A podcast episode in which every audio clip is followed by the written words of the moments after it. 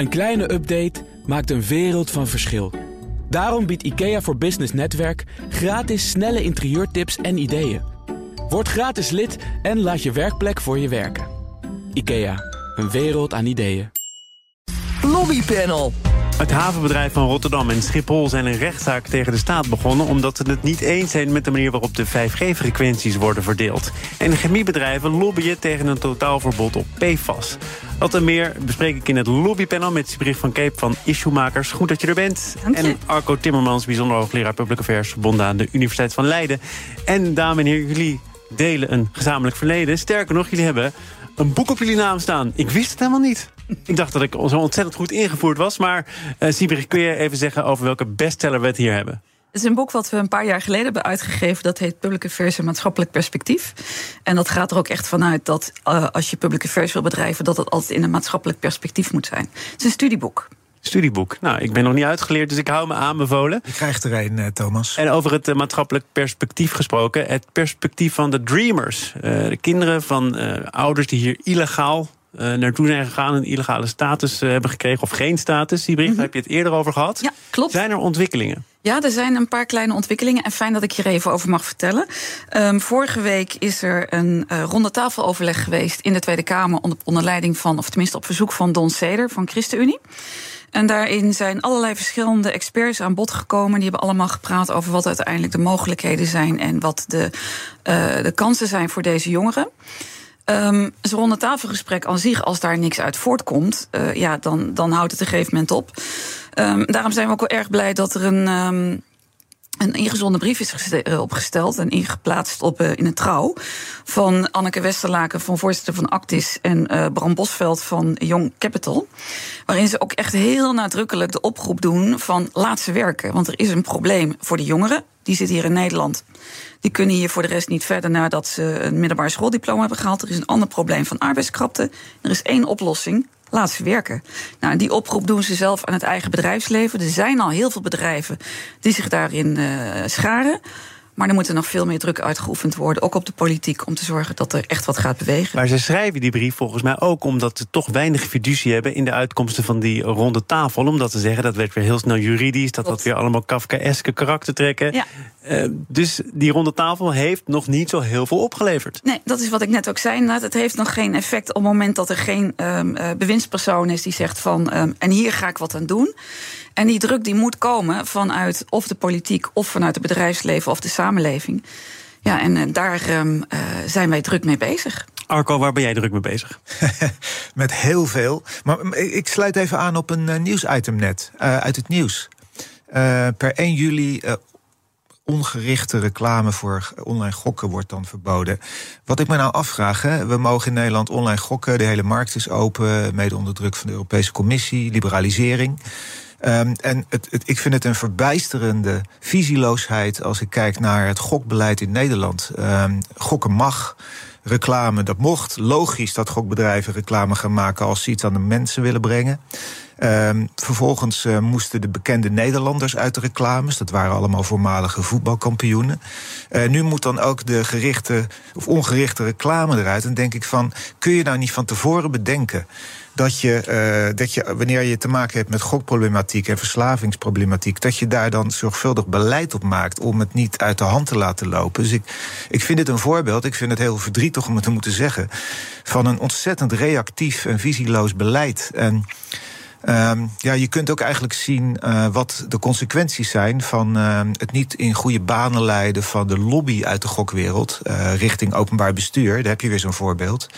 Uh, en dan krijg je dus van de hak op de tak een reactief beleid. Ik, uh, ik denk dat we in Nederland nog heel veel kunnen leren van hoe we met um, belangenbehartigers uh, moeten omgaan. Er is natuurlijk wel en, de, decennia lang natuurlijk gesproken over het legaliseren van die markt. En op welke manier dan en welke spelers er toegang zouden moeten krijgen. Ja. En vervolgens zijn mensen toch nog overvallen door de stortvloed aan spotjes en reclames en andere uitingen. Ja. Maar ik, ik, ik laat het hierbij, omdat ik moet zeggen dat wij om half twee praten met een van die belangenbehartigers van deze branche, de voorzitter van de NOGA.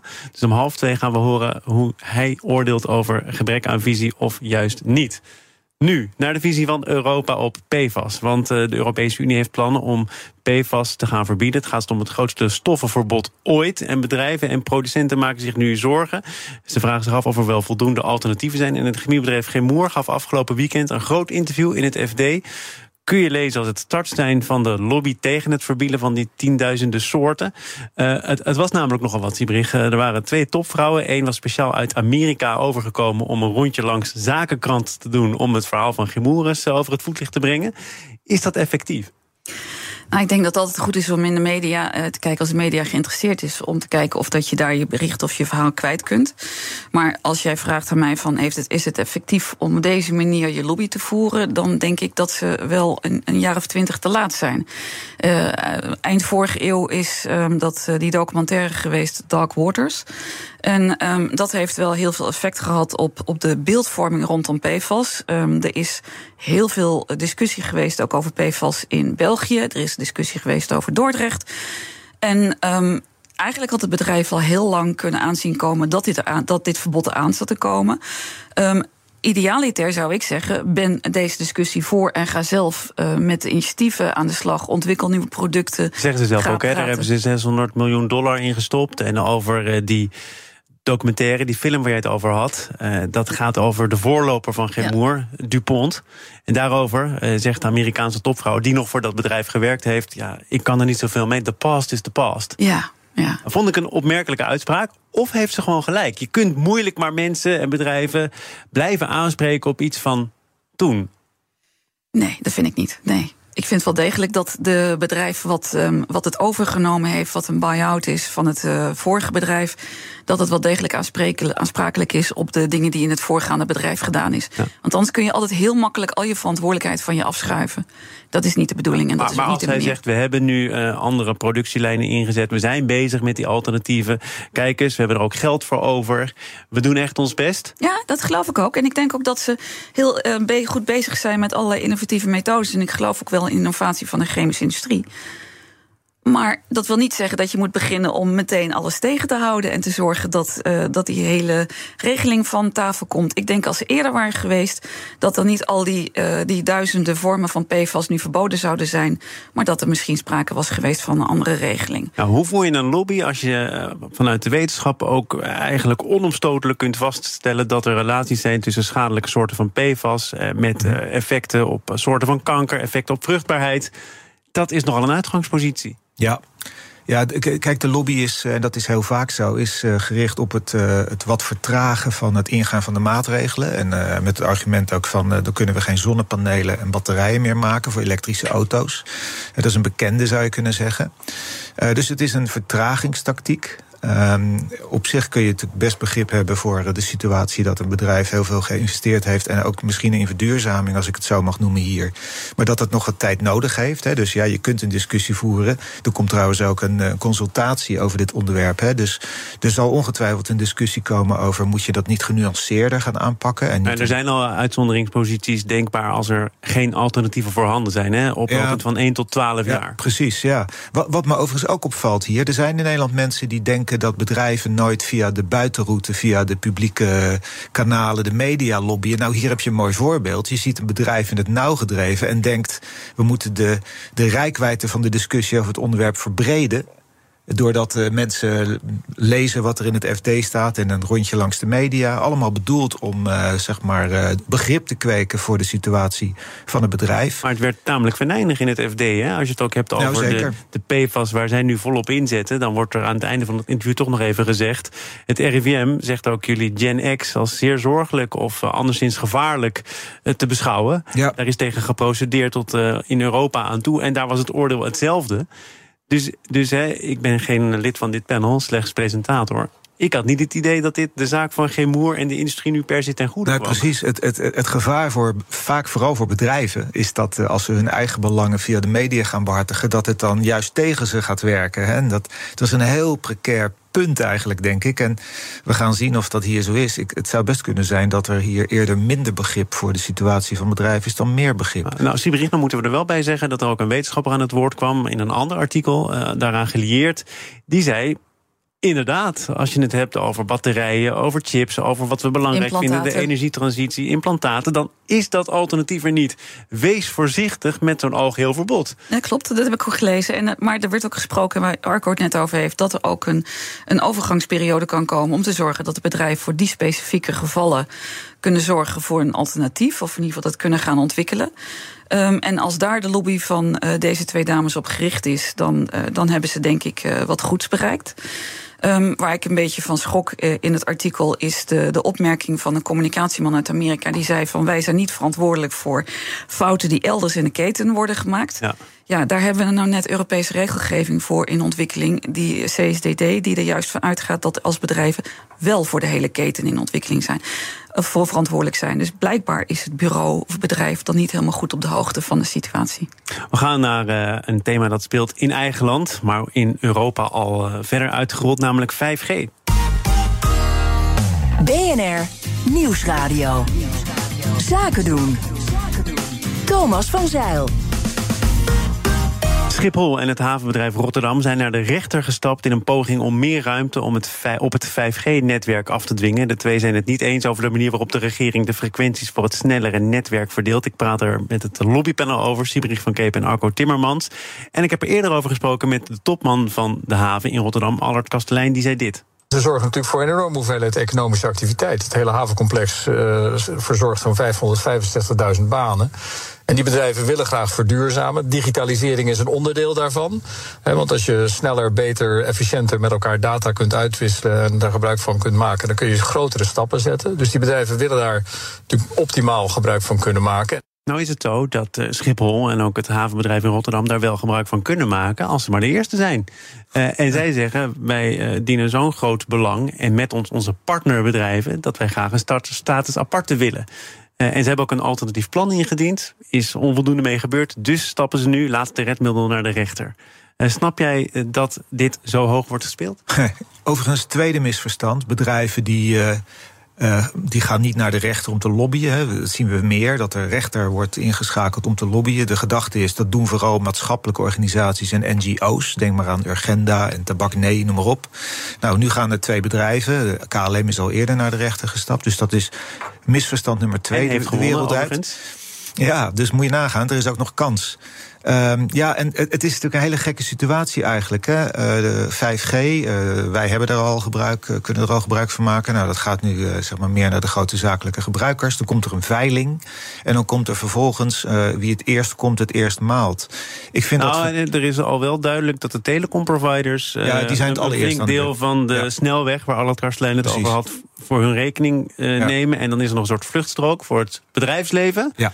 En daar, en daar gaat het. En daar moet je voor oprijden, anders kom je er niet bij. Dus dat is een beetje de gedachte. Ja, ergens is het een heel raar en ook willekeurig verdeelmodel. En ook hier denk ik weer Economische Zaken, ministerie moet dat nou op deze manier aangepakt worden? En logisch gaan dan bedrijven die vinden, en dat zijn, er zullen wel meer bedrijven en organisaties zijn. Denk ook trouwens aan de hele medische sector, die vast ook wel wil mee profiteren van deze mogelijkheden. Ja, wie, wie staat er dan het eerst in de rij? Moet je... zo'n zo'n veiling, we hebben daar als BNR ook mee te maken. Hè? De frequenties worden ja, geteld, dat is geen sinecure. En dan kun je ook van tevoren aangeven, nou wij dachten zelf aan dit of dat, of uh, een programmatoets of uh, andere voorwaarden die je kunt voorstellen. ja. Dat geldt dan toch ook net zo goed hiervoor? Ja, nee, maar kijk, het riskante ervan is dat je daarmee, als het de eerste is die het krijgt, of de tweede ook misschien nog, dat het ergens een, een, een kwestie van lobbykracht of van, uh, van brutaliteit zou kunnen zijn. Of van argumenten misschien over de werkgelegenheid. Wie er dan ook die, uh, die, die 5G-ruimte gaat krijgen. En ergens vind ik dat een beetje hachelijk in een samenleving waarin je ook zorgvuldig moet kijken naar de maatschappelijke betekenis van, uh, van wie die gebruikers zijn. Dus... Is het uh, hachelijk te noemen, Siebrich? Nou ja, ik weet ik, um, een beetje misschien een afwijking wat Arco zegt, maar ik heb er ergens wel begrip voor dat deze twee bedrijven. Um, hun, hun uh, positie proberen te verdedigen bij de rechter. Want ze hebben het geprobeerd met de marktverkenning. Ze hebben gesprekken gevoerd met het ministerie. Um, daar is geen rekening mee gehouden. En ze hebben wel degelijk een echt een groot belang om hun eigen software en eigen apparatuur goed te kunnen gebruiken. En willen niet afhankelijk zijn van de internetproviders of van de telecomproviders. Dus ik snap dat wel. En Die als... zelf zeggen, we zijn volop bezig om uh, ook aan jullie wensen te kunnen voldoen. Nieuwe technologie, reken op ons. Je hebt je eigen netwerk eigenlijk niet eens nodig. Ja, Ja, goed. Ja, blijkbaar hebben ze dus wel nodig en willen ze dus met hun eigen systematiek erop. En is dat um, iets waar. Ja, dat, dat kan ik natuurlijk niet beoordelen maar, hoe maar dat in elkaar zit. Maar je bent als ministerie natuurlijk ook niet verplicht om. Al wordt er een alternatief, alternatief voorgesteld te luisteren naar Schiphol of het havenbedrijf. Je kunt uh, principieel of intrinsiek van, van mening zijn dat het minder goed is dan je eigen plan. Dat kan, dat kan heel zeker. Maar wij zijn ook in het land altijd een polderland geweest. Met de overtuiging dat we probeerden met veel belangen rekening te houden. En veel maatschappelijke belangen. En niet alleen één sector of één bedrijf. En als je het hebt over dat er nu een rechtszaak gevoerd wordt. Um, uh, ik vind dat altijd een verlies-verlies situatie. Want uiteindelijk moet je weer met elkaar verder. En zo'n rechtszaak, hoe dat ook verloopt, brengt altijd schade met zich mee. En we hebben in, in, in, onze, in ons land proberen we altijd op de een of andere manier met elkaar samen eruit te komen. Nou, als de overheid dat nu niet doet, ja, dan gaan bij mij even de radartjes uh, lopen van wat is de reden waarom de overheid dit niet doet? Is dat omdat ze al een perspectief hebben op wat de veiling op gaat brengen. En willen ze daar zoveel mogelijk aan vasthouden? Of hebben ze een andere afweging zo van, nou, dit is gewoon zo'n ingewikkeld dossier laat maar, we nemen dit besluit en we zien wel waar het schip strandt. Ja. En bedenk ook nog eens een keer dat zowel Schiphol als het havenbedrijf Rotterdam volledig uh, in handen zijn van de overheid. Ja. Dat zijn dan lage overheden. Dus het is ook nog heel bizar hè, dat je lage overheden, die de aandeelhouders zijn van die twee mainports, dat die dan een, een, een, rechtszaak gaan aanspannen tegen het ministerie van Economische Zaken. Dus ik ben het wel wat dat betreft met Siebrich eens. Ja, dat dan kan ik toch weer zien dat jullie samen een boek ja, geschreven hebben. Mooie casus trouwens voor onze volgende editie, waar we in het najaar aan gaan beginnen. Ah, over er samen uit proberen te komen terwijl het over ingewikkelde dossiers gaat. Dat uh, gaat in optima vormen natuurlijk ook op voor het landbouwakkoord. Gisterenmiddag in het begin leek het geklapt te zijn. Uh, gisteren in de namiddag gingen de partijen toch nog met elkaar door. De deadline werd iets naar achteren geschoven. De week van 8 mei wordt nu aangehouden. En als het allemaal klopt, dan kunnen die 50 betrokkenen die aan die tafel zitten nu één voor één langs bij de gespreksleider, omdat gezamenlijk overleggen te weinig oplevert. Hebben jullie nog goede hoop op die week van 8 mei, Siebrich? Ik ben er eerlijk gezegd een beetje kritisch op of dat het gaat lukken. Want als je met gezamenlijk overleggen niet uitkomt, waarbij kenmerk van gezamenlijk overleggen betekent dat je allemaal wel iets moet inleveren of je moet inleveren in het belang van de ander. Um, en als dat dus niet gelukt is in het gezamenlijk overleg. En je gaat allemaal naar een biechtvader die jou vertelt van. Uh, waar je aan gaat vertellen van. Nou, ik wil echt 100% naar links en de ander die wil 100% naar rechts. Ja, dan, dan wordt het op een gegeven moment aan één iemand of één organisatie neergelegd om die, die knoop door te hakken, waar iedereen ongelukkig mee is. Maar biechtvader Remkes heeft het blijkbaar ook een keer op deze manier ja. aangepakt. Ja, klopt. Het heeft hij overigens van Ruud Lubbers. Uh, die heeft in zijn kabinetten de zogenaamde biechtstolprocedure gebruikt, mm. waarbij individuele bewindspersonen in de biechtstoel uh, moesten komen vertellen wat uh, de pijn aan hun hart was over uh, problemen in het kabinet. En dan, dan werd Ruud Lubber, die, die ook wel de, der macher werd genoemd, die was dan degene die de knopen ging doorhakken. Ik denk dat we in een tijd leven dat het op, zeg maar opstapelen van wensen en het dan laten afwegen door één partij of één persoon, dat dat een onmogelijke opgave is. Dus 8 mei ga je nooit halen. Ah, maar ja, 8 mei ga je nooit halen. Eigenlijk had dat akkoord er nu moeten zijn. Het is ja. al opgeschoven naar 8 mei. Um, heeft het überhaupt nog veel uh, zeggingskracht als er ook bepaalde partijen, agractie bijvoorbeeld, al zijn uitgestapt? Maakt dat wat uit voor hoeveel draagvlak het heeft? Nou, nou ja, dat maakt er inderdaad, inderdaad wel voor uit. Uh, je kunt ook zeggen, dan wordt het makkelijker om de knoop door te hakken. Maar dan uiteindelijk, als je dan moet gaan uitvoeren, krijg je weer uh, de weerstand. Hè. Dus er is altijd een afweging. Moet je moeite doen tijdens onderhandelingen? En dan, dan is de uitvoering wat vlotter. Of moet je dat niet doen en er sneller uitkomen... en dan voor verrassingen komen te staan bij de uitvoering. Het zou ook heel, heel raar zijn, denk ik, ook richting je achterban... als je zegt, nou, uh, ja, medio april... eerlijk gezegd waren we eind maart al klaar. Het verliep zo gladjes... Dat kan ook niet. Je moet misschien ook uitstralen. Nou, het gaat stroef en we verkopen onze huid duur en we hebben meer tijd nodig. Is dat niet ook onderdeel van het spel? Ja, dat zou heel goed kunnen dat dat het is. En dat het ook inderdaad een spel is. Ja. Ik zat het net even in mijn hoofd te vergelijken met de coalitievorming. Waarbij verschillende partijen uh, samen aan tafel komen en dan iedereen zijn wensen neerlegt. Maar dan kun je kiezen voor twee partijen met wie je verder gaat. Maar hier moet je met het totale veld verder. Ja, um, of het nou een spel is waar iedereen strategisch op ingezet heeft of niet. Ik denk dat het een uh, ingewikkelde gaat worden. En dat het dus leiderschap vereist van de overheid om te zeggen van wij gaan een bepaalde koers kiezen. En en dan maar kijken hoe het draagvlak zich verder ontwikkelt. Zeggen wij op het moment dat eh, de Tweede Kamer gaat debatteren over de toekomst van het stikstoffonds. Dus ja, welke lijn de overheid nu precies kiest. Nou, dat is misschien voor een uh, volgende keer. Siebrich van Keef van Issuemakers was er. En een van de, de, auteurs van het boek dat zij gezamenlijk op hun naam hebben. Arco Timmermans, bijzonder hoogleraar Public Affairs aan de Universiteit van Leiden. Dank voor jullie bijdrage. Dankjewel. Graag gedaan. Dit panel is trouwens ook te beluisteren als podcast. Er zijn al veel luisteraars, maar er kunnen altijd nog luisteraars bij. Abonneer je even via je favoriete kanaal of de BNR-app. Zometeen gaat het over wijzigingen in het kinderopvangstelsel.